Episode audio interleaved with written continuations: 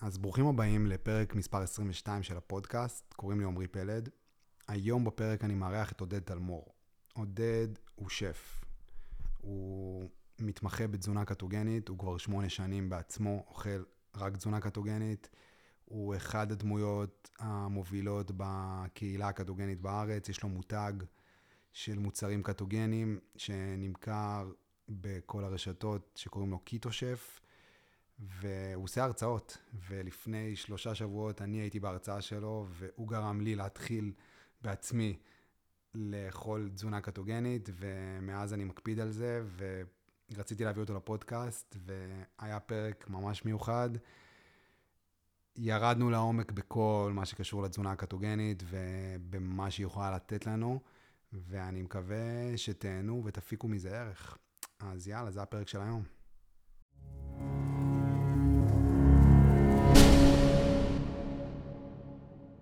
פתוח. מטבח ו- פתוח, מטבח פתוח, והתיישבו לידינו אה, זוג שהתחלנו לדבר איתו, ומסתבר שהם הגיעו מהערבה, הערבה. ולקחו שלוש וחצי שעות נסיעה, ולקחו לילה ב... לקחו לילה באיזה. מושב ליד, בתל יצחק, נכון, ואני אומר, ואני אומר לאמא שלי, בואנה, כאילו, הם באו מהערבה לראות אותו. נכון. הם באו מהערבה בעצם לשמוע את ההרצאה. יכול לספר לך שכבר, היו מאילת, והיו מלוס אנג'לס, והיו מז'נבה, והיו אנשים שבאו אז מכל העולם. רגע, אז לפני שאנחנו נכנסים. לקיטו, לפני שאנחנו נכנסים לקיטו, איך אתה מסביר את זה? שהם באים לערב הזה, ככה? אגיד לך, אחד, אין כזה דבר בארץ. זאת אומרת, אין, אין, בטח לא שף שחרט על זה, אני תכף אכנס לסיפור וכולי, אבל אני מזכיר לך שאני חי ונושם קיטו on and off כבר קרוב לעשור. אז אחד, אין מישהו קולינרי שחרט על עצמו, על, על עצמו קיטו, בטח לא עם חלל אירוח כזה משוגע ומטורף. אין מסעדה? לא. איך אין? יש כל מיני מנות, קיטו friendly. אה, מנות בתוך כן, המסעדה. אני השקתי עם רשת אגדיר אה, המבורגר קיטו, אה, יש באגדיר? כן. השקתי עם חומוס אליהו, חומוס קיטו, יש כאלה נגיעות, אבל אין ערב שמי שעושה תזונת קיטו יכול לבוא להתפנק שעתיים וחצי ולאכול שש, שבע, שמונה מנות קטוגניות בלי לחשוש, לדאוג מה יש פה, מה יש ברוטב, יש גלוטן, אין גלוטן, יש סוכר, אין סוכר, כי כל מה שאני מבשל הוא מותאם לתזונה. פשוט לבוא ולאכול אוכל טעים. בדיוק, בדיוק. אגיד לך- וזה היה המטרה שלי. זה הקטע, אני אגיד לך את האמת, עכשיו בגלל שאני כבר בפנים, כן. אני עושה את זה כבר שבועיים, ואני מאושר. אני מאושר מזה. כן, גם זה כל כך מסדר את הראש, כן. בקטע של, אני יודע שאני אוכל ב-11, כי אני מתחיל להיות רעב ב-11, אוקיי. ואני אוכל באיזה 5, 5 וחצי, וזהו. וזהו. אז אני- קודם כל זה מסדר לי את הראש. אני אוכל באחת, שתיים. ב-1, 2, כן, כי אני לא רעב. כמו שאני מכיר את עצמי, אני יודע ש... ואוכל בשבע, שמונה, קצת יותר מאוחר ממך, אבל כן, שתי ארוחות ביום. אני, כמו שאני מכיר את עצמי, אני יודע שאני אתחיל להגיע לארוחה אחת ביום גם. כן. אני מכיר, אני יודע שזה מה שיקרה, כי אני. כי אני לא מרגיש רעב. אתה עושה ספורט? כן. עושה ספורט כל בוקר, ואני, ואני קם מוקדם. אני אומר, כשאני אומר 11 זה כבר, אה, כי אתה אני קם בארבע. אתה קם בארבע. אז 11 זה כבר אמצע היום. אז, אז כאילו, אז בשבילי, אז זה, זה, זה עושה לי הרבה מאוד סדר, וגם אני מרגיש שזה מתחיל להשפיע, לגמרי. ומה שעניין, שמשך אותי להביא אותך לפה, לדבר איתך, זה לא רק זה שאתה, שיש לך את, ה, את היוזמה הזאת שאתה עושה במרתף, וזה שאתה עושה קיטו, כי אתה יודע, יש, יש מיליון סוגים של... כן. לא, לא חשבתי שאני אביא, שאני ארצה לדבר עם מישהו על תזונה. זה לא הקטע שלי. זה לא המקום אני שאני לא- בא ממנו. אני לא מקדם תזונה. זהו, אז זה לא המקום שלי בכלל, אבל מה מי ש... שמכיר אותי ועוקב אחריי תקופה יודע שהתזונה שאתה קורא, אני קורא לזה אוכל, בסדר? מערכת היחסים שלנו עם אוכל. זה הפתח, של, זה הדלת שאני פותח לאנשים. מי שממשיך איתי ועוקב אחריי וזה, אני, אני בכלל מדבר על פיתוח אישי. זה רוחני, כאילו, להיות בדיוק. הדבר הזה. לגמרי ברור. רוחני, על איך להיות בן אדם טוב יותר, איך להיות בן אבא טוב יותר. ההודעות שאני מקבל לטלפון, אני תכף אראה לך, שאני מתרגש מהם בטירוף, זה לא, אחי, ירדתי חמש קילו, ברור. ירד... בסדר, מגניב, לא מזלזל. זה, זה הרווח הנקי. זה, הרווח, זה הרווח הנקי. כן, זה אבל הבונוס. כשבן אדם כותב לי, אחי, נהייתי אבא טוב יותר, יש לי זמן לילדים שלי. אני מר... מרגיש שפתאום אני, אנשים מבוגרים שאומרים לי, אני, אני לא הרגשתי ככה מגיל 20, אני, אני, אני, כמו שאתה אומר, אני פתאום קם בבוקר, ערני, אשתי אומרת שאני אבא טוב יותר, שאני בעל טוב יותר, שאני איש עסקים טוב יותר, אנשים שבזכות הקיטו נפתחה להם דלת, מישהי עכשיו כתבה לי, הפסקתי לעשן ואני פותחת עסק שאני חולמת עליו שנים ולא היה לי אומץ. זה מה שמרגש אותי. אז בוא, בוא רגע נדבר על הקיטו. זה, מה שאתה אומר עכשיו, זאת האנרגיה שאני הרגשתי ממך בערב הזה, ואני זוכר שאמרתי לאחותי, ששאלו אותך כל מיני שאלות סקפטיות, לגמרי. אז כל היום. אני- איך שהגבת לשאלות האלה, זה היה כזה נראה שאתה מאוד משוכנע. הרבה פעמים אנשים מנסים לשכנע, אבל אי אפשר לשכנע, צריך להיות משוכנעים. יש משפט. וראי, וראיתי את זה עליך, וזה מה שהדליק אותי, שהיית פשוט משוכנע במה שאתה מדבר עליו, וזה הדביק. אתה יודע, אני, אה, יש לי כזה כלל, ש, שאני מדבר עם אנשים, יש היום כל מיני כאלה שמטיפים, נכון, כל הפיתוח אישי, והזה, ותעשה ככה, ו... ואני אוהב להסתכל על אנשים שבעצמם, מה שנקרא, I walk my talk. ואני חי את זה, אני יודע שלי זה הציל את החיים. ואני יודע שמי שנדבק בזה, במרכאות, זה הציל לו את החיים. זאת אומרת, הכמות סיפורים שאני מוקף בהם, של אנשים שהקיטו הציל, ליטרלי, בסדר? עזוב שנייה את אלה כמוך, שאתה אתה מספר עכשיו, אתה נכנס תחת הקטגוריה שאני קורא לה nice to have. כן. אתה בן אדם אינטליגנט, קיטו זו תזונה אינטליגנטית, אתה לא יכול לעשות קיטו עם אה, אפס ידע, עם אפס אה, זה, זאת אומרת, אנשים בדרך כלל חוקרים, סקרנים, אה, קוראים תיגר על מוסכמות, אתה יודע, כל מה שהעידן הזה, שאני מניח שאתה צעיר ממני באיזה 20 שנה, כן, אתה חושב שאני צעיר ממך ב-20 שנה? נראה לי, בן כמה אתה? אני אהיה 48 עכשיו, אני 35. אוקיי, אתה נראה צעיר, טיל גם, שאפו, אבל עדיין אני מכניס אותך בקטגוריית הצעירים, כן, כן, ברור.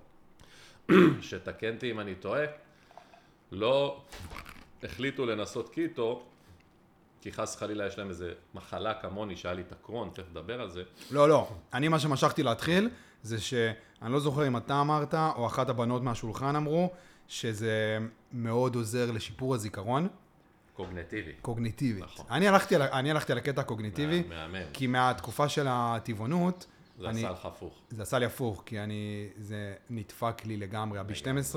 לא רק ב-12. אצלי ספציפית זה היה B12, הוא ירד לי, ל- ירד לי ל-140, כן. ועד היום אני עדיין כזה, קצת כזה משחק כן. עם הזיכרון שלי, מהתקופה הזאת, אז... ש... אז אתה צריך להבין שאנשים, רוב האנשים שאני פוגש, עד היום, וזה היופי, שאני יושב מולך עכשיו, אני מתרגש, למה? כי זה היופי שמתחילים להגיע אליי חבר'ה צעירים, לאו דווקא חולים, לאו דווקא סוכרתיים, לאו. דווקא הבנתי. כבדים, overweight, אלא אנשים שאומרים, בואנה, שמעתי שזה בריא, תספר לי, אני אנשים- רוצה לשמוע. אנש... אזרחים, אזרחים, כן. וזה מטורף. כן. זה המהפכה האמיתית. אז בוא תן, תתחיל, תתחיל את כל הסיפור, איך הגעת לזה? תן את כל הסיפור. ומה זה קיטו בעצם? קודם כל, אני אה, מגיל 24, אה, נוחת בנמל תעופה בן גוריון אחרי טיול חלומותיי, אחרי צבא במזרח, וחליתי. בסדר, הייתי ספורטאי על, אחי, הייתי שחקן כדורסל מכבי תל אביב, הייתי קצין נוער. בצבא, כן. הייתי בן אדם שאוכל אבנים גם, אתה יודע, נו, חבר'ה צעירים, אוכל הכל, נראה טוב, גבוה. חוזר אחי גמור. גמור. בן אדם, אש, אשכרה צריך לגרד אותו מהרצפה. און אנ אוף, בית חולים, בלינסון, בדיקות, תא טאטו, מתייגים אותי עם מחלה, אומרים לי, יש לך קרון. עכשיו, קרון, אני מדבר איתך ב-1997, בסדר? זה לא כמו היום, תגיד קרון, כולנו מכירים איזה חולה קרון, קוליטיס, FMF, כל מיני מחלות. אה, כשאני חטפתי את הקרון, לא היה לי מושג מה זה. ולא רק זה, גם אומרים לי, בשביל לשרוד את החיים האלה, אתה צריך לקחת 16 כדורים כל יום, ולהיות קרוב לחדר מיון, והחיים שלך לא, אתה יודע, יהיו עכשיו עם... זה מחלה חשוכת מרפא אוטואימונית. זאת אומרת, אתה מתויג עם מחלה שמקבלים עליה ביטוח לאומי, וככה יצאתי לחיים שלי. בן כמה היית? 24. מה זה קרון? קרון זה מחלה ברפואה הקונבנציונלית, כן? כן. אני יוצא שנייה מהתיוגים, אבל בגדול זה דלקת כרונית במעי הדק, בסדר? ש... שהיא יושבת לך שם. עכשיו, היא יכולה להיות פעילה, יכולה להיות פחות פעילה. אז הייתי מאוד פעיל, זה אומר שאתה צמוד לאסלה 24-7, אה, אתה מאבד המון נוזלים, אה, אה, לא עלינו, זו מחלה שיכולה להסתבך לכריתות מעיים, סטומפות, סרטן המעי, דברים מאוד קשים. כל זה לפי הרפואה הקונבנציונלית. נכון. אוקיי. ואני בתקופה ילד טוב, לוקח את הכדורים, אומר אוקיי. ומהר מאוד אני מבין שככה אני לא רוצה לחיות. בסדר? אני מבין שוואלה, אני, כל הכבוד לרופאים, רוצה להבין שנייה את הגוף שלי, ובעצם יוצא משם למסע של החיים שלי. בלי לשים לב, אני גם מתחיל להתעסק באוכל. רגע, בתזונה. אז במשך שנה בערך לקחת כדורים. שנתיים. שנתיים לקחת כמה? 16 כדורים 16 ביום. כדורים זה, ביום? חלק זה סטרואידים, זה סותם אותך, זה גורם לך להתנפח, אחי. מבן אדם רזה, כחוש, פתאום נהייתי בן אדם גדול. סתם בשביל מספרים, בשיא המחלה הייתי 78 קילו, לגובה שלי, זה בן אדם חולה. הגעתי ל-112. והיום? היום אני פיקס כבר כמעט עשור במשקל האידיאלי כמה? שלי, 83, 84, אני מטר 96. אתה רציני? כן. אז בעצם במשך שנתיים במשך שנתיים, חיית על כדורים. אני שבוי של הקונספט שיש לי קרון, אני מדוכא אחי, אני קם בבוקר אפס חשק לחיים. מה אתה עושה? מתחיל את החיים, מה? לומד, עובד, אבל... מנסה להיכנס לתוך המערכת של החיים. אה, נכנס למרוץ עכברים, נרשם לתואר במנהל עסקים בבינתחומי. אשכרה. כן. הייתי גם אה, בבינתחומי. אה, כן. אני עורך דין, כן, למדתי משפטים. אה, עובד, פותח עסק באיזשהו שלב, שקשור באוכל. אה, היזמות שבי לא הפסיקה, אבל משהו בראש, בבטן, בהוויה. הכללית, באנרגיה, זה של בן אדם חולה. אז מה קרה אחרי שנתיים? זה לא קרה ביום אחד אחרי שנתיים. התחלתי מסע, התחלתי תהליך, התחלתי ללכת לכל מי שמוכן, או, או יש לי איזשהו כיוון לשמוע ממנו, איך אפשר להיות בריא, אוקיי? בלי לקחת כדורים. ואני תמיד אומר, גם בהרצאות שלי, זה הגיע עד לליקוק צפרדעים ולדיקורים. ליקוק ול... צפר... DMT? כן, עשית? עשיתי הכל, אחי. בסדר? אה, טיפולים נפשיים, כי בשלב הזה אני גם קצת מדוכא. זה משפיע לך על ה... ברור, אנרגטית. בדיוק. אה, עשית קמבו? עשית, לא, לא, אבל עשיתי באמת, אחי, ברמות שאז דיקורים, זה היה כאילו חדשני, היום כן. כל אחד עושה, אתה יודע. אה, וטיפולים מנטליים, ומאמנים מנטליים, ומה שאתה רק רוצה. התחלת לחפש תשובה במקום אחר. בדיוק. וזה תהליך. זה לא זה שהתשובה? מגיעה פתאום. אצלי זה לקח עשור, עשור? עשור. בשלב במקביל, רגע, רגע. שמצחיק ברקע, רגע, בעשור הזה אתה לא לוקח כדורים? מתחיל להפחית. כל פעם אני... על דעת עצמך? הלכתי לאיזה הומאופת, שאמר לי, תקשיב, יכול להיות שמוצרי חלב עושים זה, מוריד מוצרי חלב. השני אמר לי, תוריד גלוטן, מוריד. מנסה. אתה מתחיל לנסות להבין מה קורה עם הגוף שלך, למה הוא מגיב ואיך. ואוכל נהיה גם המקצוע שלי, בסדר? באיזשהו שלב אני מגשים חלום, טס לארה"ב, לומד אה, תואר שני בניהול בתי מלון, קולינריה, מבשל במטבחים, מתחיל לעבוד עם שף ידוע, וולפגנג פאק בבברלי הילס, LA, המשפחה שלי, עובר עם אשתי, התחתנו, ואוכל מתחיל להיות ה bread and butter שלי, literally. פה עוד לא מצאת את הקיטו. פה עוד לא מצאתי את הקיטו. לקיטו אני נחשף פעם ראשונה, אחרי הרבה שלבים שאני עושה, מפחית בכדורים, אבל אתה יודע, עננה של קרון זה משהו שיושב לך על הראש, כי דחפו לך הרופאים, כן. זה לכל החיים, כאילו, מה יש לך? אתה...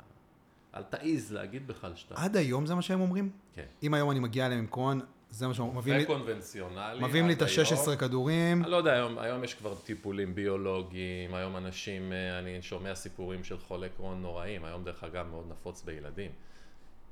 אה, מחקרים גם מראים, אם אני לא טועה, ישראל היא במקום השלישי בעולם, per capita, לחולי אה, קרון קוליטיס, יש יש פה בעיה מאוד מאוד אה, רצינית בעניין.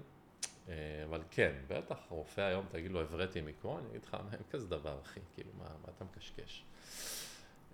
ובעצם, בפעם הראשונה שהם התחיל להיחשף לדל פחמימה, קיטו, פליאו, זה לפני משהו כמו עשור, בחור שקוראים לו טים פריס, לא יודע אם שמעת. בטח. אה, הוא גם עושה קיטו? לא, טים פריס, נפלתי על הספר שלו שנקרא אה, 4 Hours Body, 4 Hours Chef. והוא מתחיל ללמד שם על שיטה אה, דלת פחמימות, אה, אני מתנסה בה ואני רואה שינוי מטורף ואני מתחיל להוריד גלוטן ואני מוריד מוצרי חלב ואני מאוד מאוד מקפיד על כמות פחמימות וסוכר. קיצור, הגוף שלי נכנס לקיטוזיס. משהו טוב קורה, אני מרגיש את זה בגוף שלי. דרך ספר? קראת את זה? ספר, הרצאות. התחלת להתעסק עם כן, טים פריס? כן, התחלתי להתעסק עם טים פריס. דרך טים פריס אני מגיע לדוקטור ברי, אם שמעת.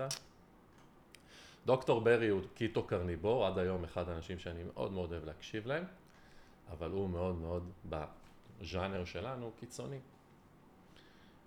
ואני עושה, אני עושה קיטו קרניבורי, אחי. אתה יודע מה זה קיטו קרניבורי? ביצים, בשר, חמאה.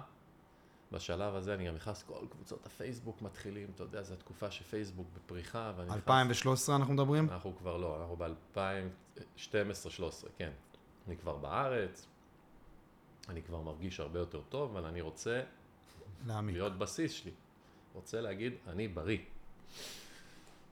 בקיטו הקרניבורי, הקלאסי, המדעי, הרפואי, איך שלא תרצה לקרוא לו, אתה אוכל מאוד מונוטוני, אתה אוכל בעיקר בשר, שומן מהחי, ביצים, חמאה.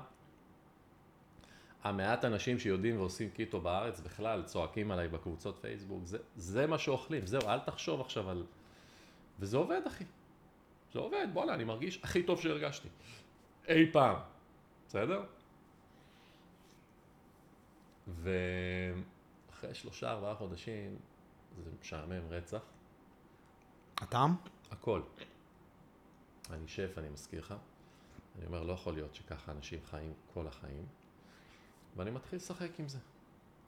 פותח מעבדה, אפרופו המרתף שהיית אצלי, זה היה, אני קראתי לזה בהתחלה המעבדה שלי. אני, מת... אני אומר, אוקיי, הבנתי, הבנתי את הטריק, אתה צריך לאכול הרבה שומן, צריך לאכול מעט מאוד סוכרים, פחמימות מסוג מסוים, וחלבון בצורה מתונה.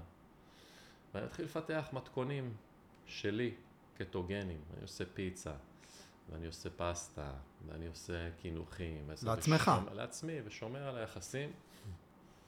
ולאט לאט אני מבין שמשהו פה אפשרי. בזמן הזה בארצות הברית, גם כל הקיטו מתפוצץ, אחי.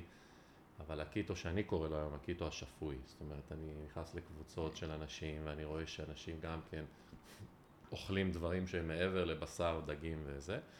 פה בארץ זה מאוד strict. דרך אגב, עד היום, אני לא רק קורא תיגר על הרפואה הקונבנציונלית והאוכל הפחמימתי המערבי, הניסוי הגדול של אנסל קיז, אם אתה רוצה נדבר על זה וכולי. אני גם קורא תיגר על הקטוגנים, עד היום אני אויב הקטוגנים בארץ. רגע, בוא נפתח רגע סוגריים על, ה, על התזונה היותר, אה, היותר אה, קונבנציונלית. כן. מה, מה, מה זה, מה התחלת להגיד? הרי אם אתה שנייה, מי שכל אחד שיחקור אחורה, איך הגענו למצב שעשו עלינו, על האנושות, את הניסוי הכי גדול אי פעם בתולדות האנושות, ודחפו לנו המון המון סוכר וקראו לה שומן אויב. איך באמת זה קרה? בוא נדבר על זה פעם אחת. אז אני, אז אני... מאיפה הגיע כל הסוכר הזה? כל אחד שירשום בגוגל הניסוי של אנסל כיס, זה איזשהו חוקר בארצות הברית, שעליו הוטלה המשימה בשנות ה-70, לחקור מדוע אמריקאים התחילו לחטוף התקפי לב, בעיות לבביות, מה שנקרא, והיה עליו המון לחץ לייצר תשובות, והוא עשה ניסוי. בניסוי הזה, קוראים לזה ניסוי שבע המדינות, הוא בדק קורלציה אפשרית בין אכילת שומן, זה היה גם התקופה שנשיא ארצות הברית חטף אה, אה, אירוע לבבי, אייזנאור אם אני לא טועה, ואמר אני אבדוק קורלציה בין אוכל שומני שהיה אז, אז אם היית הולך לסופר בניגוד היום, שומן היה חבר. חופשי. כמו השם של הספר שלי. ו... והוא גילה זאת אומרת, לקח גרף עם המון המון מדינות בעולם, ובאמת, בשבע מהם, מתוך עשרים ומשהו, היה איזשהו קשר נראה לעין, הוא ניקה, הוא ניקה את כל שאר המדינות שלא הסתדרו לו, ויצר גרף, אמר, הנה תראו, מי שאוכל הרבה שומן, אתה יודע, כשאתה עושה ניסוי במדע, אז אתה, אז קורלציה לא מספיקה, צריך להראות סיבתיות, בסדר? והוא הראה איזושהי קורלציה. ובעקבות הלחץ שהיה בזמנו, משרד הבריאות האמריקאי ובעקבותיו עוד מדינות מערביות אימצו את המלצות משרד הבריאות החדשות להפחית צריכת שומן. עכשיו, מה קורה כשאתה מוציא שומן מאוכל? מכניס לפחמימות. אין טעם. מה שנותן לנו טעם לאוכל זה שומן, מלח, סוכר. בסדר? בגדול. שומן זה מרקם, שומן זה תחושה בפה, שומן זה משביע, שומן זה satisfying מה שנקרא. אנחנו נועדנו לאכול שומן. אה, לקטים ציידים בעיקר, ואז אמרו שומן הוא אויב. מה עושים כשהשומן אויב? מוציאים מה שמים במקום? סוכר. ובעצם משנת, משנות ה-70 של המאה הקודמת מתחיל, חברות המזון מתחיל טרנד של שומן הוא אויב, תאכלו יותר סוכרים.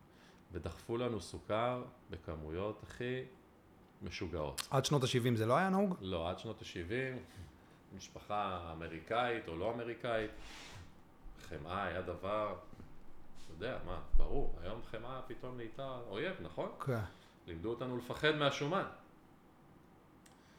ו- ושם מתחיל הניסוי, את התוצאות שלו אפשר לראות היום, אה, לא רק בארצות הברית, אתה יכול לראות יותר אה, אנשים שמנים, אוביסים, סוכרתיים, מחלות שהתפתחו במאה השנים האחרונות, שלדעתי זה לא היה שנות ה-70, אני תבדוק אותי, אבל לדעתי זה היה אפילו קצת קודם, אבל ההמלצות משרד הבריאות השתנו בשנים האלה. והעולם התחיל לחטוף עד למצב היום שאנחנו יודעים שהגורם לחולי הנוראי הזה הוא בעיקר, בעיקר תסמונת מטבולית, תסמונת מטבולית נובעת מתנגודת אינסולין וכולי וכולי. ו... והיום מתחיל איזשהו מהפך אה, הפוך. פתאום מבינים שכולסטרול הוא לא בהכרח אויב, פתאום מבינים שאין באמת קשר בין רמות כולסטרול גבוהות בדם לניבוי של אירוע לבבי כלשהו אצל אנשים. להפך, רואים שאנשים שמתים מאירוע לבבי, היה להם רמות כולסטרול נורמליות במרכאות, מה שמוגדר נורמלי ברפואה וכולי וכולי. מנגד, כמו שאתה מבין, אחי, לשנות כאלה תפיסות עולם, במיוחד אצל תזונאים, אה, דיאטנים, רופאים, שככה גדלו לתוך הדבר הזה, שומן גורם לסתימת עורקים, גורם לבעיות זה, ושכחו להגיד לנו שמה שבעצם הופך להיות שומן בגוף זה אותו סוכר שאנחנו תוקעים, שהיום יש לו 90 ומשהו שמות בסופר, תעשייה שהתפתחה ויצאה אה, מגבולות... למה אנחנו כל כך אוהבים סוכר? סוכר עובד על דופומין במוח, סוכר הוא סם לכל דבר שכשאתה צורך אותו אתה מרגיש נהדר. אה, הוא היה שמור פעם, אתה יודע, אם אנחנו הולכים עוד פעם להיסטוריה, לרגעים בודדים שאותו אה, אה, צייד היה רואה עץ של תותים, תואם, נהנה בטירוף, מתמוטט לאיזה שנץ טוב וממשיך לאכול חיות. שם בעצם התחילה ההתמכרות? לא, לא עניין של התמכרות, גם, גם היום זה בסדר לאכול פעם בסוכר, אם היית מסוגל להגביל את עצמך, כמו שאנחנו עושים בקיטו לדוגמה. גם אני אוכל פירות לעיתים, פירות יער בעיקר, היום אני מרשה לעצמי גם לאכול פירות אחרים, אבל אני לא במקום הזה שאני מבין, זה לא הדלק שלי. אבל שהצייד לקט הזה, מלפני מאה אלף שנה, היה רגיל, אז הוא היה... לצו, היה רגיל כן, לצוד, רגיל. לצוד בשר ושומן, ולעיתים רחוקות מאוד, פתאום הוא היה רואה איזה עץ, בסוכר, פתאום נכון. היה רואה איזה מנגו, לעיתים רחוקות מאוד, הוא היה אוכל אותו ונגנב כמה זה טעים, נכון. וזה גם היה נדיר, כי זה לא היה קודם. זה היה עונתי. זה היה עונתי. זה היה באזור שלו, בסדר? אני מזכיר לך, זו גם תקופה שאנשים חיו באזור מאוד מאוד קטן, והדברים היו עונתיים, אבל הבשר היה תמיד. זהו. הם היו צדים למחייתם, הם היו אוכלים בשר ושומן אה, למחייתם. אז כבר שם נוצר איזשהו קישור במוח בין סוכר לבין... סוכר, כמו הרבה סמים, הוא דבר נהדר, הוא מעיף דופומין במוח. כשאתה מתחיל להגזים איתו, כמו כל דבר, אתה הופך להיות מה שנקרא אינסולין רזיסטנט, אינסולין זה אותו הורמון שמופרש בעקבות אכילת סוכר. כדי ל... אינסולין הוא שסתום שמווסת סוכר לתאים, הוא נותן לך סוכר לשרירים, לתאים, מיטוכונדריה, כל הדבר הזה, העודף שנשאר... הולך לדם? הולך לדם. מסתבר, עם השנים הבינו שהסוכר הזה שנשאר בדם ולגוף לא יודע מה לעשות איתו, הוא אוגר אותו כשומן. וזה השומן הרע. הבעיה היא שאנשים עדיין עושים אסוציאציות של אני אוכל שומן, זה הופך להיות שומן. הם לא מבינים את השלב באמצע, בסדר? אני קורא לזה מנגנון הרשע. אכלת שומן, אה, סוכר, המון ממנו, הגוף אומר תודה, אבל אחי, יש פה כבר יותר מדי, אני לא יודע מה לעשות, הוא מתחיל לאחסן, הגוף הוא מכונה מאוד חכמה. כשאתה מתחיל לחיות את האורח חיים הזה, לקרוא, להבין, אחי, אני חקרתי, באמת, בלי לזלזל באף רופא, אף נטורופט, אף... כמות הידע שאני צברתי בעשור האחרון, זה כמעט כל מה שאני עושה, זה לקרוא, להבין, לחקור. גם לפתח מחקר? גם... בעצמך? או. אתה רוצה לדבר על זה שנייה? כן, אבל רגע, שים את זה, שים את זה רגע בצד. בוא נחזור רגע לימים ש... שהיית עושה את הניסויים במעבדה. אז הייתי עושה ניסויים, ולאט לאט והייתי, מה זה ניסוי? הייתי לוקח חומר גלם, בסדר? בוא, בוא נדבר רגע על הפיצה שאני פיתחתי, ואמרתי, אוקיי, אני רוצה שיהיה בה הרבה שומן ממקור טוב, אני רוצה שיהיה בה מאוד מעט פחמימה מסוג מסוים. בקיצור, הפיצה היא על בסיס קמח שקדים, גבינות שמנות, בסדר? אכלת אותה באותו ערב. עכשיו, האם זה מקור השומן האידיאלי? ברור שאנחנו תמיד נרצה שומן מהחי, רווי וכולי. והייתי בודק על עצמי איך זה משפיע עליי אחרי שאני אוכל את זה, האם זה שומר עליי בקיטוזיס? הייתי גם מביא סוכרתיים סוג אחד, עד היום יש לי חבר'ה שאני, כמו שהבאתי לך פה מוצרים, בואו תאכלו ואני רוצה שתבדקו סוכר אחרי זה. קיטונים, האם זה זורק אותך מקיטוזיס? והתחלתי להבין שיש דברים שאתה יכול לאכול ואתה נשאר בתחום הקיטוזיס. בוא רגע תסביר מה זה קיטוזיס, קיטונים, כל הסיפור אז הזה. אז לגוף שלנו, המכונה החכמה והמדהימה הזאת, אפרופו אותם לקטים, ציידים בעיקר, יש שתי מערכות הפעלה, בסדר? תחשוב שנייה, אנדרואיד ואייפון. הגוף שלך יודע לעבוד על מערכת הפעלה סוכרית, ואם תמנע ממנו סוכר מספיק שעות, הוא עושה סוויץ', הוא אומר הבנתי, אין לי מאגרי סוכר, גליקוגן, אני צריך אנרגיה ממקום מסוים, הוא יודע לעשות סוויץ' ולפרק שומן לאנרגיה, כשהגוף מפרק שומן לאנרגיה, נוצרים בכבד גופי קיטון, זה גופי האנרגיה שלנו, בסדר? יש כל מיני גופי קיטון, BHB הוא הכי אה, ידוע, מוכר, והגוף בעצם מחליף, תחשוב קצת כמו טסלה, כמו אוטו היברידי יותר נכון, הוא אומר אוקיי, אין לי דלק סוכר, אני צריך דלק, אני עובר לדלק שומן. ואז נוצרים בגוף גופי קיטון, מפה השם תזונה קטוגנית או... התזונה הזו דרך אגב פותחה, הומצאה, התגלתה כיעילה בעיקר לחולי אפילפסיה ב-1921, זה הניסוי, אפרופו ניסויים, הגדול, היחיד, המוכר לאורך שנים בתזונה קטוגנית זה על חולי אפילפסיה. למה? כי המוח מעדיף אנרגיה ממקור שומן. ולכן אותם חולי אפילפסיה שהם עוברים לתזונה קטוגנית, הארדקור דרך אגב, לא הקיטו שאני ואתה מדברים עליו היום, הם אוכלים 4 ל-1. על כל 4, על כל גרם אחד של סוכר, של פחמימות וחלבון, 4 גרם שומן, ואז המוח שלהם ניזון בעיקר מגופי קיטון, וההתקפים נפסקים. אצל חלקם ממש נפסקים, חלק פוחתים בצורה דרמטית. עד היום קיטו רפואי, מדעי, הוא הפתרון והתרופה הכי טובה לכל אפילפסיה.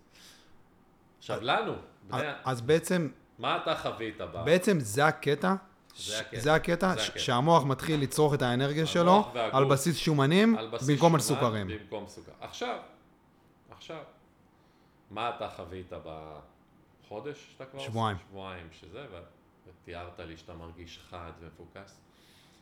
מסתבר, מסתבר, שהמצב הטבעי שלנו כהומו ספיאנס בטבע מאות אלפי שנים אחורה, היה רוב היום להיות בקיטו, בקיטוזיס. למה? כי בני אדם לא כמו היום היו אוכלים חמש, שש, שבע פעמים ביום. היו לוקחים צדדים, אוכלים, אוכלים, אוכלים, ומחכים לציד הבא. בסדר? שהיה מגיע עוד 24 שעות, עוד 12 שעות, עוד, שלוש, 12, עוד שלושה 24, ימים. שלוש... עכשיו, בזמן הזה הם לא היו טעמן, כאילו, אחי, אני... להפך, היו צריכים להיות בשיא שלהם, נכון? כן, הולכים לצוד עוד פעם. כן. וזה המצב הטבעי לנו, אוקיי? אפרופו צומות, אם תרצה נדבר על זה וכולי. ב-50, 60, 70 שנה האחרונות, אמרו לנו לא. אתה צריך לאכול הרבה, כמויות קטנות, אפשר לדבר רגע על סיפור הקלוריות, שגם זה איזשהו מיתוס שעבדו עלינו שנים, שצריך לספור קלוריות. מה המיתוס? המיתוס, אחי, שהגוף שלנו הוא לא, הוא לא מחשבון. אתה לא באמת יכול לחשב כמה קלוריות אתה מכניס, כמה אתה מוציא. אתה לא יכול לקרוא לכל קלוריה שווה. אנחנו יודעים היום שקלוריה משומן לא שווה לקלוריה מסוכר. אתה לא יכול לחשוב שהגוף שלך הוא מייצר או משתמש בקלוריות באופן שווה, נגיד שאתה בקיטוזיס, אתה מפרק הרבה יותר יעיל קלוריות, אתה, אתה, האנרגיה, אוקיי? אתה הרבה יותר יעיל בייצור ושריפת קלוריות. זה משהו שמה, שחברות המזון דחפו לנו ברור, כל השנים? ברור, ברור. עם השנים, כמו כל דבר, נוצרה פה תעשייה שלמה, שמניע אותה הרבה מאוד כסף. תעשיית המזון, תעשיית התרופות. עכשיו, אני לא בא מתיאוריות קונספירציה, אחי, אני לא, בא, אני לא מאמין בקונספירציות. אני כן מאמין ששכל כך הרבה חברות מרוויחות מהמצב הקיים, קשה לשנות דברים, בסדר? שקוקה קולה אומרת לך, טעם החיים, טעם החיים, טעם החיים, ומממנת מיליארדים של מחקרים, אוקיי? מי אני, עודד הקטן, ואתה עמרי, ועוד איזה מיליון אה, קטוגנים שיצעקו לעולם, חבר'ה, עבדו עלינו, שוב, לא בזדון, בוא, בוא נתעורר. זה דברים שלוקחים המון המון המון זמן. אה, יש התעוררות, בארצות הברית תזונת קיטו, גם תרשום בגוגל טרנד, זה היום החיפושים הכי גבוהים בתזונה, זה Mediterranean וקיטו. אה, כי יש לנו רשתות חברתיות ויש זה וזה, אבל המיינסטרים עדיין. עדיין יצעק עליך, שומן זה מסוכן, סוכר זה בסדר, צריך רק לאכול במידה, נכון? יגידו לך, אבל אתה לא יכול לאכול במידה כי זה עובד לך למוח. סוכר זה ממכר, זה fucking התמכרות. אנשים שמתחילים קיטו וחווים keto flu, שפעת קטוגנית, זה כי הם, הם מונעים מהגוף סוכר והגוף מתנגד להם, הגוף צועק עליהם. אחי, אתה משוגע? תן לי את הסוכר שלי. אני בהגדרה מכור לסוכר. רובנו. בהגדרה. אני יודע, אבל כשאני יושב עם חברים, ואני נמנע מזה, כן. בגלל שאני יודע שברגע שאני מתחיל לקחת את הביס הראשון מהגולדה, או את הביס הראשון מהבמבה, או את הביס הראשון מכל הדברים האלה, אני לא מפסיק. זה. זה ידוע אצלי שנים, זה ידוע אצלי מאז שהייתי ילד. אפרופו מנגנון הרשע, אתה זוכר? זה מנגנון הרשע. כי... שאלתי אותך שאלה, עמרי. אני תמיד אומר גם לאנשים ששואלים אותי והם מגיעים. למה, למה 95% מהדיאטות שאנחנו עושים לא מצליחות? בסדר? מחקרים, תעזוב עכשיו זה, אני אתן לך רפרנסים אם תרצה אחר כך. 95% מהאנשים אינטליגנטים, מנכ"לים של חברות, רופאים, אנשים, כולם. לא מצליחים. למה? כי זה לא תלוי בנו. כוח רצון ומוטיבציה לא מספיקים פה. אנחנו משחקים נגד המוח בעצם. אתה לא יכול, אתה תמיד תפסיד. כשאתה הולך נגד המוח שלך, במוטיבציה, כוח רצון, אני אינטליגנט, אני אקרא, גם ידע לא מספיק. ידע לא מספיק. אחי, באים אליי אנשים, יש לי קורס ליווי שאני מלמד אנשים קיטו. באמת, באים אנשים, מנכ"לים של חברות, סטארט-אפיסט, אנשים אינטליגנטים, שלא מצליחים.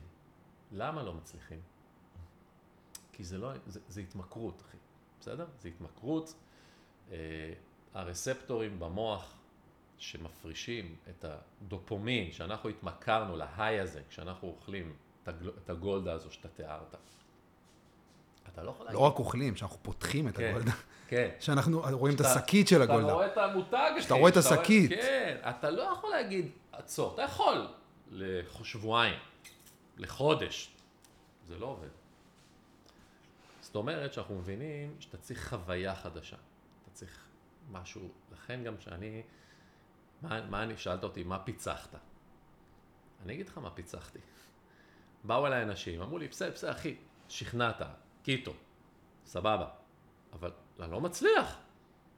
איך אתה עושה? מה, יש לך משמעת עצמית? יש... לא, לא, לא, לא, לא, לא, לא, זה לא משמעת עצמית. אני ייצרתי שיטה שהיא כיפית. אתה רוצה גלידה? תאכל גלידה. הנה, הבאתי לך. הבאתי לך פה קינוח. אבל הוא מסוג מסוים, עם ממתיק מסוים שאני הבנתי שהוא לא מעיף לנו את הדופמין הזה.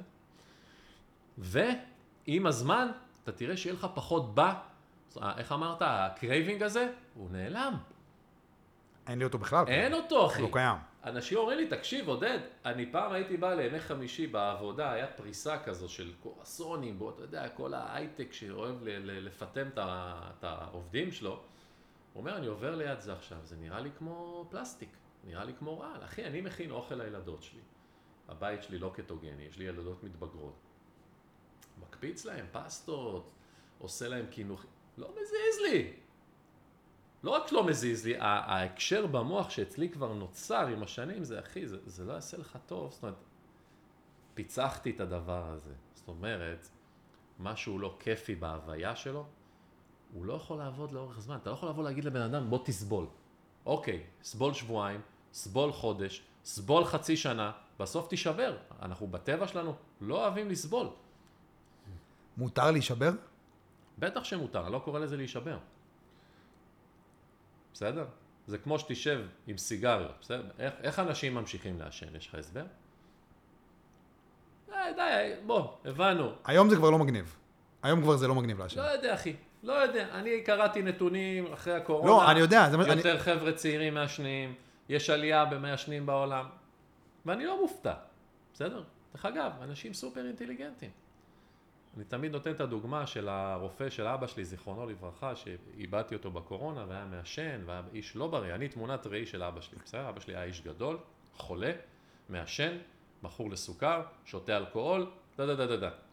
והלכתי איתו פעם לרופא שלו, ואני לא אשכח את זה, שהוא אומר לו, אתה חייב, הסיגריות יהרגו אותך, אה? יצאנו לאוטו, עומד אותו רופא בצד, דופק סיגריה. מה, הוא לא אינטליגנט? מה, הוא לא יודע? הוא יודע. אבל אנשים עדיין לא מצליחים, בסדר? כדי להצליח, זה יותר מלהשתכנע. אתה צריך לשנות את המוח, אחי, את קיטו התוכנה. משנה לך, בדיוק, הוא מפרמט לך את הדיסקט במוח. אני מת על ההערות האלה של אנשים שאומרים לי, עודד, אני לא מאמין מה קרה בחודש. אני מסתכל על סוכר, על מתוק, על קינוחי, זה לא עושה לי כלום. למה? כי מה שקורה בקיטו, שאתה מתחיל, יש לנו הורמון, הקיטו הוא שינוי הורמונלי. עד היום כל הדיאטות שלימדו אותנו, התייחסו לעניין הפיזיולוגי, אפרופו ספירת קט. תגיד, אתה, אתה מסוגל ללכת עם מחשבון לספור קלוריות אני היום? מכיר אנשים שעושים את זה. מה, אתה דפוק? עד היום, אני מכיר אנשים שעושים את זה. מה, אתה, אתה מזלזל ב- ב- בגוף שלך, שזהו, זה המחש... זה ה... למה? כי תזונאים ודיאטנים גילו איזשהו טריק שאפשר איכשהו לעשות מניפולציה ולהבין פחות או יותר כמה קלוריות יש ב... מה זה קלוריה? מישהו יודע בכלל? אני מכיר עד היום אנשים... מישהו יודע מה זה קלוריה? החבר'ה האלה שסופרים.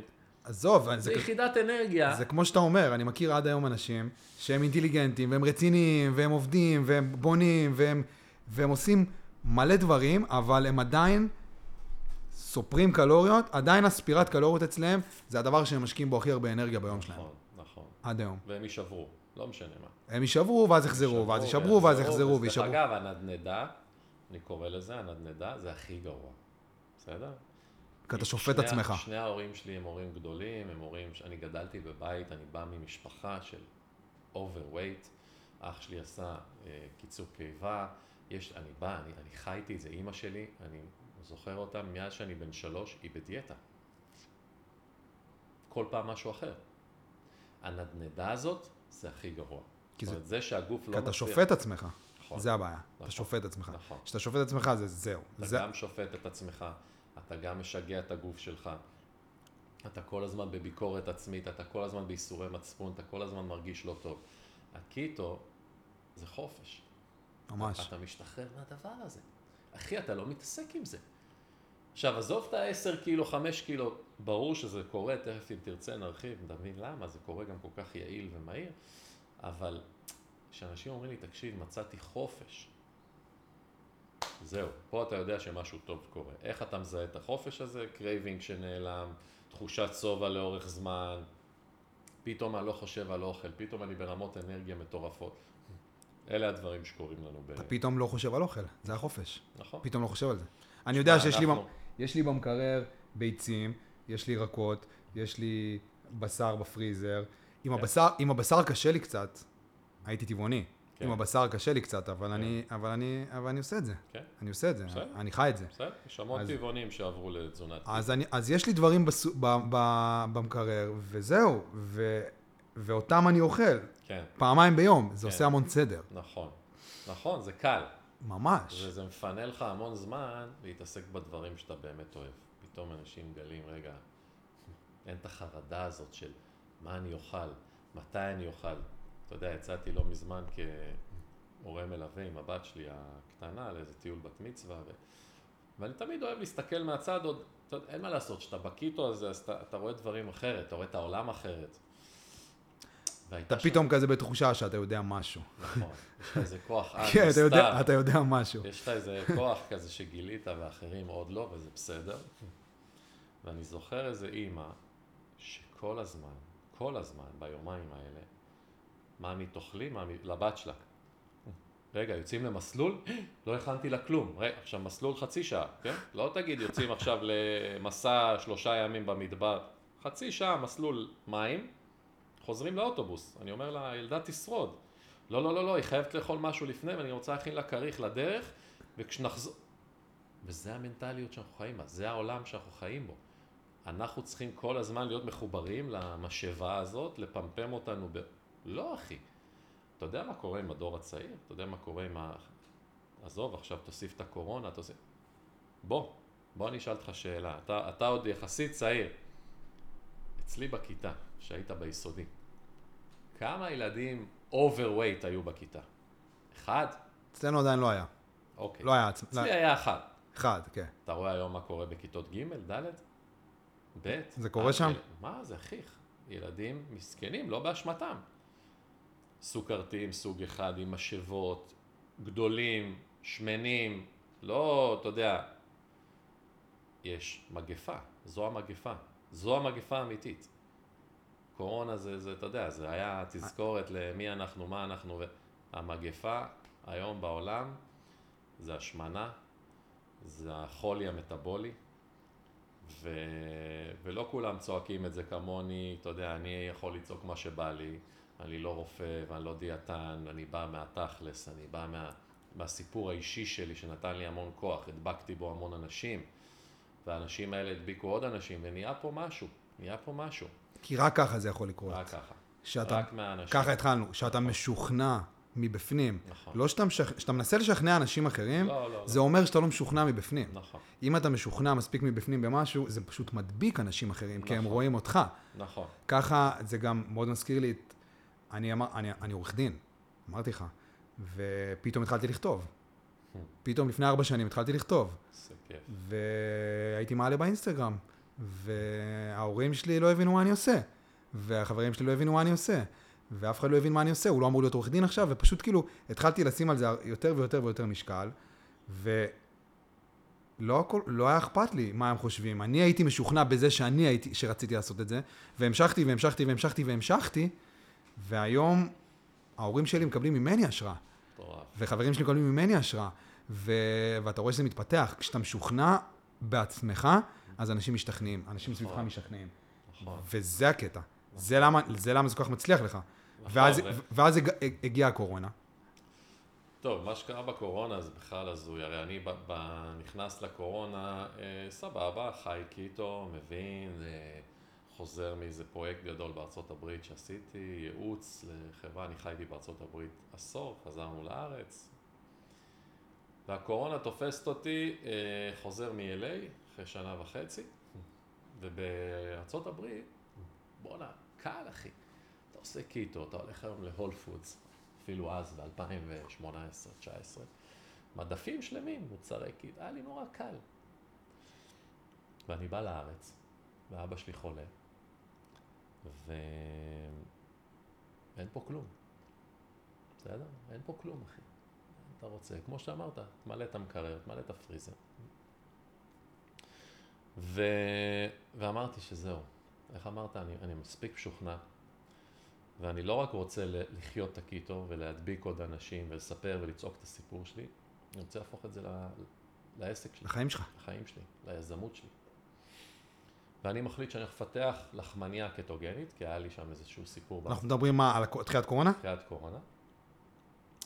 בארצות הברית נחשפתי פעם ראשונה למוצרי קיטו, אז התיידדתי עם איזשהו בחור שפיתח לחמניית קיטו, בחור קנדי, ועשיתי איתו איזה ניסוי בחברה שעבדתי, וזה הצליח בצורה מטורפת. בהתחלה הצעתי לו להיות המפיץ, משווק, אה, מפתח, מה שתקרא לזה פה באירופה ובישראל. היה איזה שהם דו דיליג'נס ועניינים, לא יצא לפועל, הוא כזה היה נורא בהתחלה, ועוד לא יכול היה לעשות ייצוא. אמרתי, הבנתי, אני יכול לעשות את זה לבד. צללתי למרתף שלי, עשיתי מהר מאוד אה, אחד ועוד אחד, יצא לי בדיוק מה שאני רוצה, אבל עכשיו לך תעשה את זה תעשייתי. והתחלתי לחפש מפעל בישראל, שבכלל לא יודעים מה זה קיטו, כן? אני, אני עד היום בא למפעלים, היום אני עובד כבר עם איזה שמונה. בהתחלה אומר להם קיטו ולא יודעים מה זה, ואז זה יקר מדי, ומי יקנה את זה, והסיפור הרגיל, היום fast forward, כן? אתה כבר יודע, אבל למאזינים שלא יודעים, אני כבר עם 24 מוצרי מדף. אבל זה התחיל בלחמניה אחת קטוגנית. שאתה מוכר אונליין את כולם? לא רק אונליין, אנחנו ב-700 נקודות מכירה בארץ. שופרסל גרין. איך קוראים למותג? קיטו שף. בקיצור, בסוף, אחרי כל מיני מפעלים שהסתכלו עליי כמו הזוי, בלי גלוטן, בלי זה, בלי זה, בלי זה, מקמח שקדים, מה זה פסיליום, אף אחד לא יודע מה זה פסיליום, זה הסיבים שמחזיקים ביחד את הלחמניה. פתאום מישהו אומר לי, תקשיב, יש איזה מפעל בבני ברק, מצות אביב, לך דבר איתו. מצות אביב? מצות אביב זה חבר שלי מהתיכון, רועי. מרים לו טלפון, לא דיברנו שנים, מה קורה רועי? מה העניינים? חזרתי, הוא חזר, הוא היה, למד אה, קונדיטוריה בפריז, אני למדתי, בקיצור לא דיברנו שנים, תקשיב, אמרו לי לדבר איתך, יש לי מתכון ללחמניית קיטו, מה זה קיטו? מסביר לו, אה? בוא. התחלנו לנסות. עכשיו, למה מצות אביב? כי יש לו פס שמתאים לבכלל של עוגיות שהוא היה עושה, שיכול לייצר לחמניה ממסה, כן? ואנחנו עושים ניסוי 2-3 ובינגו. וואלה, יוצא. ו... ואז אמרתי לו, תקשיב, הוא אומר לי, אני יכול לייצר לך ככה, מתחילים תמחורים, עניינים. באותו זמן אבא שלי בבית חולים גוסס. לא מקורונה, אבל בדיוק התחילה הקורונה. ואמרתי לו, תקשיב, רועי, עזוב אותך עכשיו לייצר לי, בוא, בוא נעשה מזה שותפות, בוא תיכנס, מעניין אותך? כן. ותוך חודש אנחנו עושים את הלחמניה הקטוגנית הראשונה בישראל. לצערי אבא שלי נפטר באותה תקופה. אה, אני אומר את זה כזה על הדרך, אבל יש לזה השפעה מאוד גדולה. מה זה עושה לך? מה זה עושה לך שאבא שלך נפטר? מה שזה עושה לי זה שפתאום ברגע, אני יודע שזה נשמע קצת דרמטי, הבנתי שזה השליחות שלי בעולם. אני, השליחות שלי זה לרפא אנשים, לחשוף אותם, לפחות לתת להם פתח למשהו שלי עשה פלאים,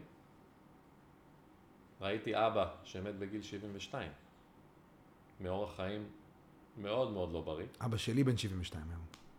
אז אתה מבין? כן. ואיפשהו הבנתי שזה מה שאני הולך לעשות. לא משנה מה, איך אמרת? אני משוכנע. אני משוכנע, לא צריך יותר, לא משנה מה יגידו לי, כן יצליח עם האולד, אני הולך לעשות ליין של תזונה קטוגנית בישראל עם מוצרי מדף, שכל ישראלי לפחות ישמע על זה. אתה אומר לי שאתה משוכנע ברמה שזה, או שזה מצליח, או שאתה ישן באוטו. בדיוק. זה הרמה של השכנוע. בדיוק. יותר מזה אני אגיד לך. ו- וזה יישמע לך עוד יותר. או שזה מצליח, עד המוות, אחי.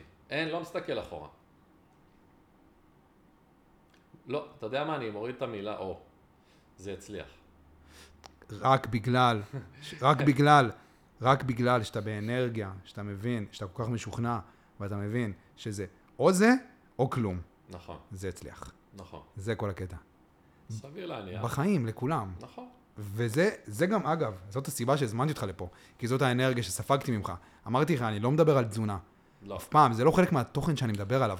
זה לא משהו שאני מבין בו בכלל, אבל האנרגיה שספגתי ממך, שים רגע את כל הקטע הקטוגני בצד, זה בן אדם שחי את החלום שלו. זה בן אדם שחי את החלום שלו, ורציתי לשמוע את הסיפור שלך, של איך הגעת למצב שאתה... בן אדם שחי את החלום, אבל הוא, הוא עדיין, אה, איך אומרים? אני חוטף מלא, בסדר? לחיות החלום, כן, אנשים לא מבינים. לא. לחיות החלום שלך זה הדבר הכי קשה שיש. בדיוק. אנשים חושבים, כל "אה, יום, כל יש לו יום, מותג, הוא מוכ... אח שלי, בוא. כל יום. משכנתי את הבית שלי פעמיים, לקחתי כסף מכל מקום שאני מכיר, מינפתי את עצמי למוות, כדי שעוד ועוד אנשים יכירו וייחשפו לפלא. אני חוטף על ימין ועל שמאל, מתזונאים, מרופאים, מקטוגן, ממי שאתה רוצה, אבל אתה משוכנע, אבל אני משוכנע. רק ככה זה יכול לעבוד. וזה רק נותן לי כוח. למה? בגלל מה שסיפרתי לך. כשאני פותח את הטלפון בבוקר ורואה את ההודעות שאני מקבל ורואה את השינוי חיים שאנשים עושים, בלייב אחי, זה מיום שישי. אה, וואו, יש לי כבר לא מעט... אה, אנחנו פה ב... תקדם קצת עם הכיסא. באהלן אהלן. תקדם עם הכיסא קצת אליי. לא, לא. אה.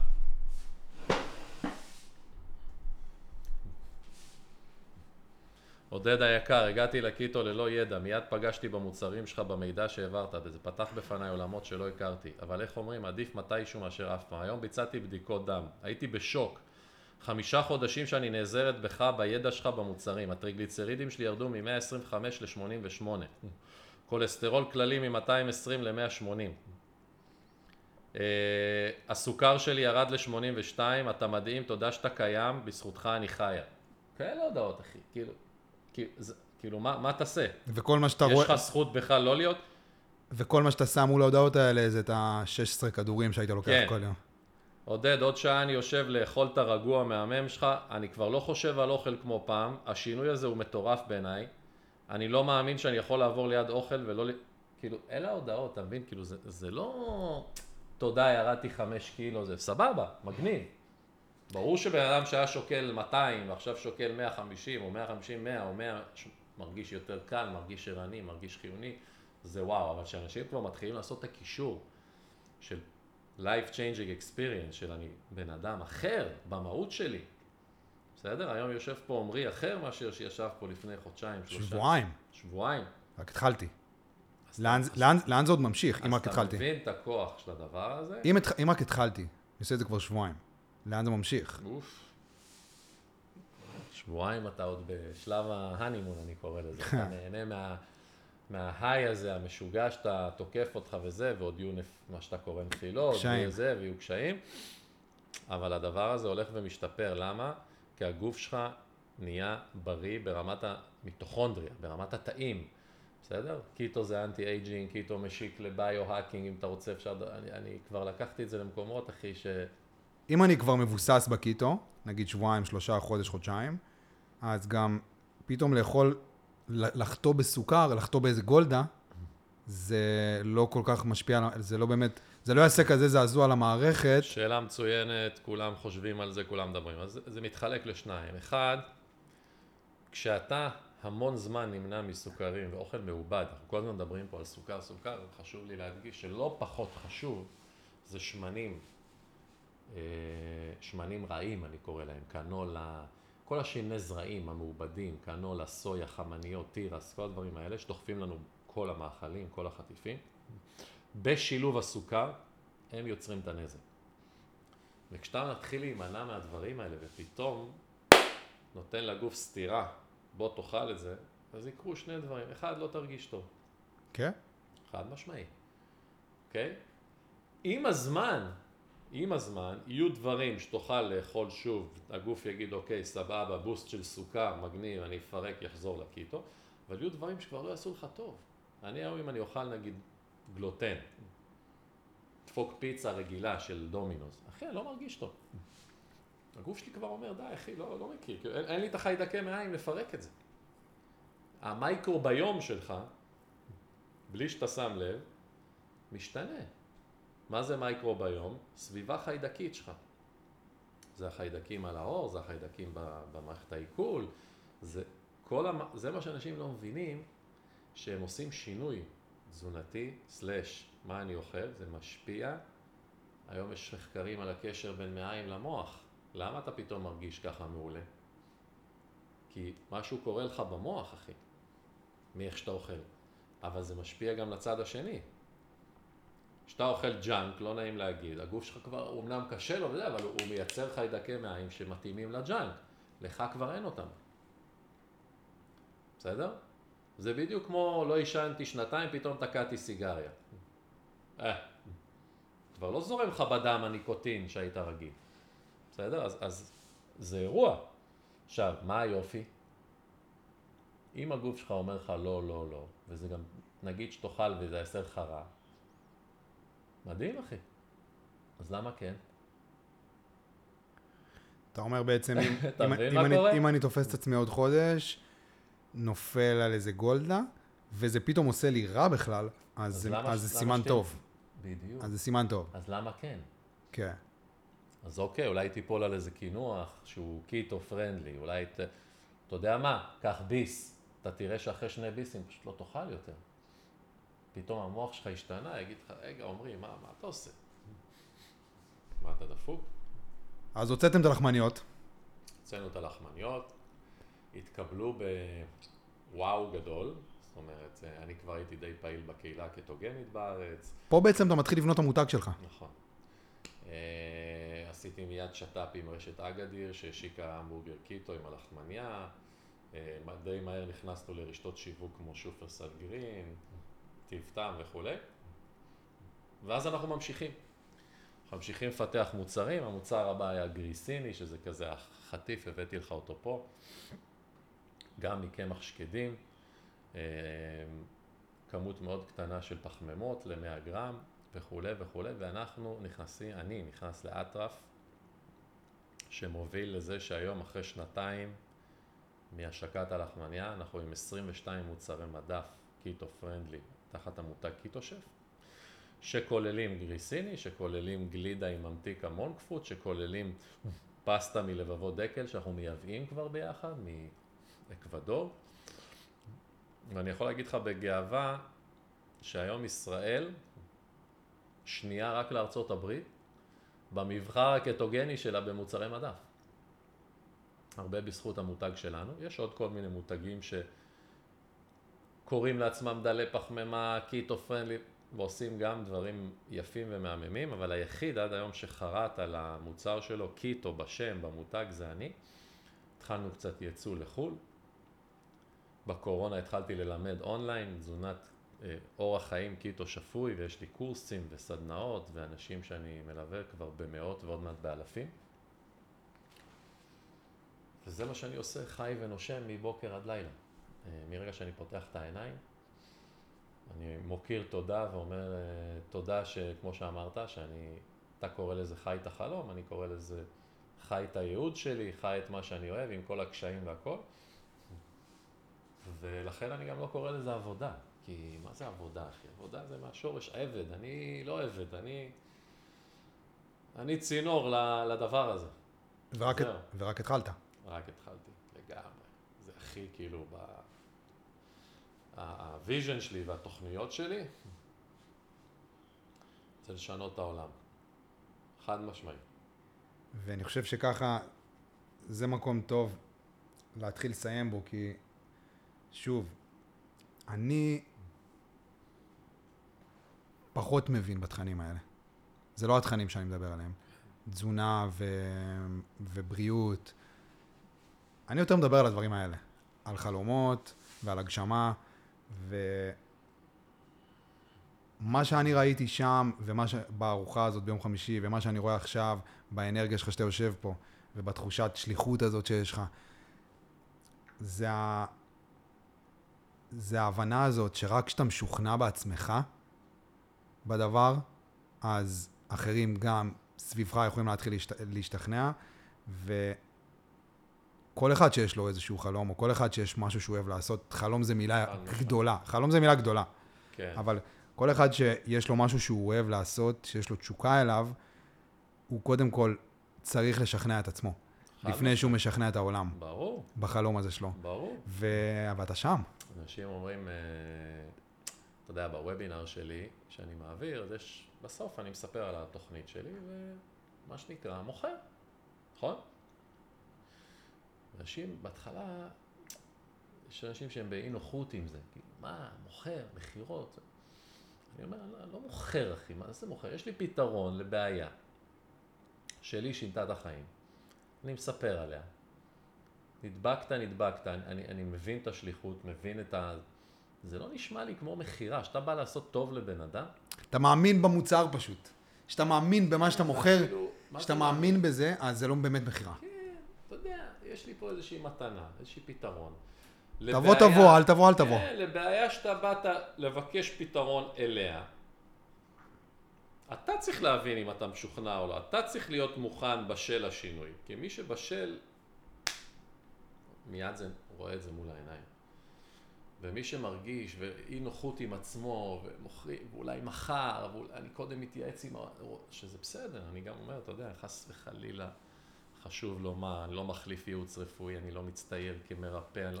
ממש לא, אחי. אבל, אבל אתה קצת כן. אתה קצת כן. לא. למה אתה מפחד להגיד את זה? לא מפחד, להפך, אני אומר, אני אומר את זה בריש גלי, שאני את המלצות הרופאים לא יישמתי, שאני קורא תיגר על הרבה מתזונאים וזה שלכאורה למדו והכל בסדר, הם פשוט למדו את הדברים הלא נכונים. אבל, בסופו של דבר, כולנו שונים, ואם יש לך בעיה רפואית, ואם יש לך מקרה ספציפי, תמשיך אחי, זה לא במקום. דבר עם הרופא שלך, תלמד את הרופא שלך. אתה יודע כמה, יש לי חמישה רופאי משפחה שעשית את התוכנית ליווי שלי. ששמעו מהמטופלים שלהם איך הסוכר שלהם פתאום ירד בלי כדורים, לא האמינו. ובאו ללמוד קיטו. אה, שזה הגיע להם דרך המטופלים כן. שלהם, והם רצו להעמיק בזה. כן. והיום יש לא מעט רופאים, חלק גם, אני עובד עם רופאה אחת שמלווה אותי ואת התוכנית, ש, שכבר ממליצים, שכבר מעיזים להרים את הכפפה. אני, למה אני אומר את זה? כי אני לא כבול בשלשלאות הממסד. אין לי טייטל כזה או אחר שמונע ממני להגיד משהו בדיוק. או לא להגיד משהו. פשוט תמשיך להיות משוכנע. בדיוק.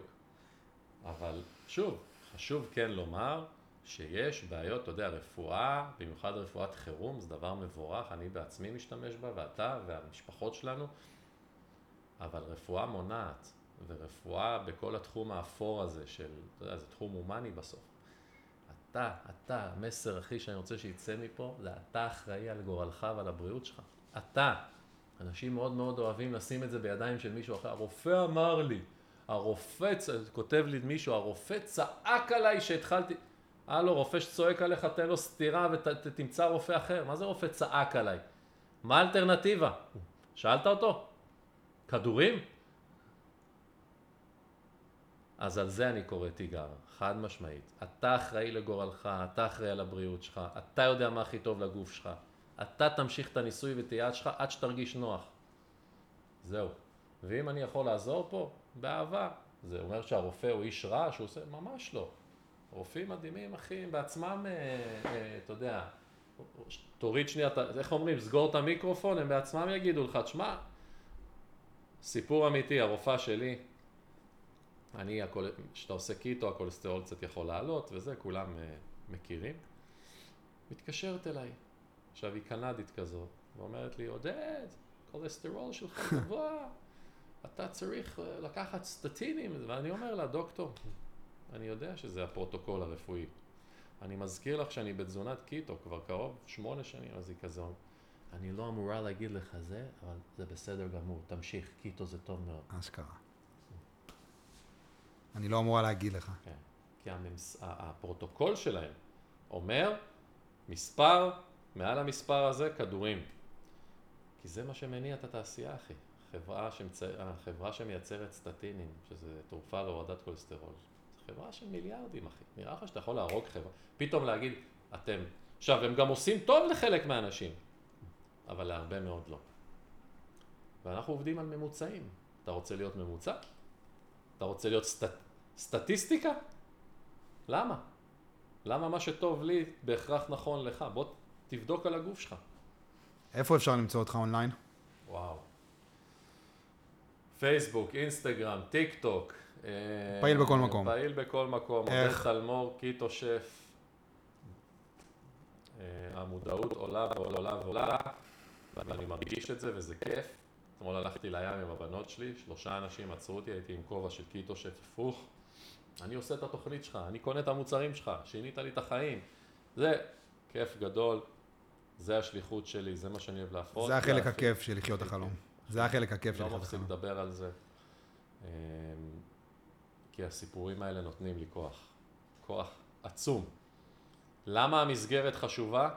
זה גם חשוב להגיד, עמרי, לא כולם כמוך, יש להם אימא שחשפה ואתה בחור כן. צעיר. כי בהתחלה הגוף בהתנגדות. לכן אני שם דגש מאוד גדול על קהילה, יש לי קבוצת פייסבוק עם 22 אלף אנשים, תזונה קטוגנית למתחילים, קהילה מטורפת, תמיכה, יכולת לעזור אחד לשני, זה מאוד חשוב בשלב הזה שמתחילים, כי הגוף בהתנגדות ואתה רוצה עוד אנשים כמוך, תקיף את עצמך באנשים כמוך והשינוי יהיה יותר קל. טוב, אני חושב שהמסר של הפרק, של השיחה הזאת, זה... קחו אחריות. זה המסר? קחו אחריות. יש לכם מחלה, יש לכם עניין איזשהו. על הכל. על לא הכל. אפילו לא רק- אבל- לא רק על בריאות, נכון, על אבל- הכל. אבל עמרי, אנשים הרבה פעמים עושים שינוי שהם נתקעים בקיר, כמוני. אני היום אומר תודה על המתנה הזו שקיבלתי, על הקרון. אצל אחד זה משהו אחר, אצל השלישי לא עלינו זה סרטן. אנשים, הרבה פעמים השינוי מתחיל מאיזושהי סתירה. ברור. קחו אחריות. החיבור הזה לגוף, ההקשבה, זה מתנה שאין לתאר. אני, אני, אין לתאר, אני חזרתי לשחות בים, אני שחיין מים פתוחים, אני מתחיל כל בוקר בים. הגוף שלי השתנה, אני, אני, אני באתי לך הבוקר, אני עם כאב גב, אז אני יודע כבר, שנייה רגע, להסתכל על זה, לנשימות. זה הביא אותי לחקור ביו-האקינג ונשימות, ואז עשיתי וים הוף, והיום אני מתחיל עם אמבטיות קרח את הבוקר, ואני כל הזמן רוצה להיות הגרסה הכי טובה של... זה לא נגמר בקיטו. קחו אחריות על, על החיים שלכם, על הבריאות, אל תפקירו אותה בידי הממסד, יעשה לי זה, כי כתבו לי כדורים כאלה. אוי ואבוי. ואם מישהו עכשיו חי את הכאפה הזאת, אז, ש... אז הוא יכול פשוט להסתכל על זה מפרספקטיבה שזה אולי הרגע שמשהו הולך לקרות ולהשתנות, נכון. והדברים האלה בסוף קורים בשבילנו, הכאפות האלה, חד שאתה מדבר משמעי. עליהם. כאילו, כי יש אנשים שעכשיו עוברים את הכאפות האלה. חד משמעי, אחי, הקורונה... כנראה הדבר הכי טוב שקרה לנו. הקורונה זה פאקינג שינה, זה ברמה של מלחמת עולם, מה שזה עשה לאנושות. ושוב, אפשר להסתכל על זה כאוי אוי אוי, מה קרה לי, וזה, ואנשים איבדו עבודות, זה, זה הכל- בסדר, הכל מותר גם. להתאבל. אבל אחי, זה מתנה, כי האנושות חטפה אורחת כאפה, אני מרגיש את זה אצלי, אנשים יותר ויותר מתעניינים, אנשים פחות ופחות סומכים על ממסד, אחי, דחפו לנו פה חיסונים, זה, אני לא אומר שזה רע, אני לא אומר קונספירציה, לא, לא הולך, אבל בסוף ראינו שהממסד לא יודע לטפל באירועים כאלה. בסדר? מדינות לא עשו כלום, מדינות עשו הרבה, בסוף כולם חטפו, כולם חולים, כולם זה. אתה מבין? סליחה על שזה הזה. עליך. עליך, בדיוק.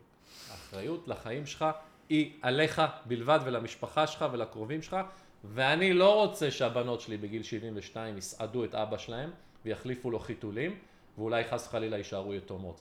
אני רוצה להיות איתם עד גיל 90, או 100, או 200, בריא. בריא. כמה שיותר בריא. זהו, זה, זה החלום שלי. שואלים אותי מה החלום שלך? ליהנות מהילדים שלי, מהנכדים שלי, מהעולם הזה, כמה שיותר בשיא שלי, ואני אמשיך לחקור את זה עד יום מותי. טוב, אז אה, עודד תלמור, בכל הרשתות, בכל המקומות, קיטו שף, קיטו שף, וזהו, תודה שבאת, תודה שאירחת. היה מגניב. לגמרי.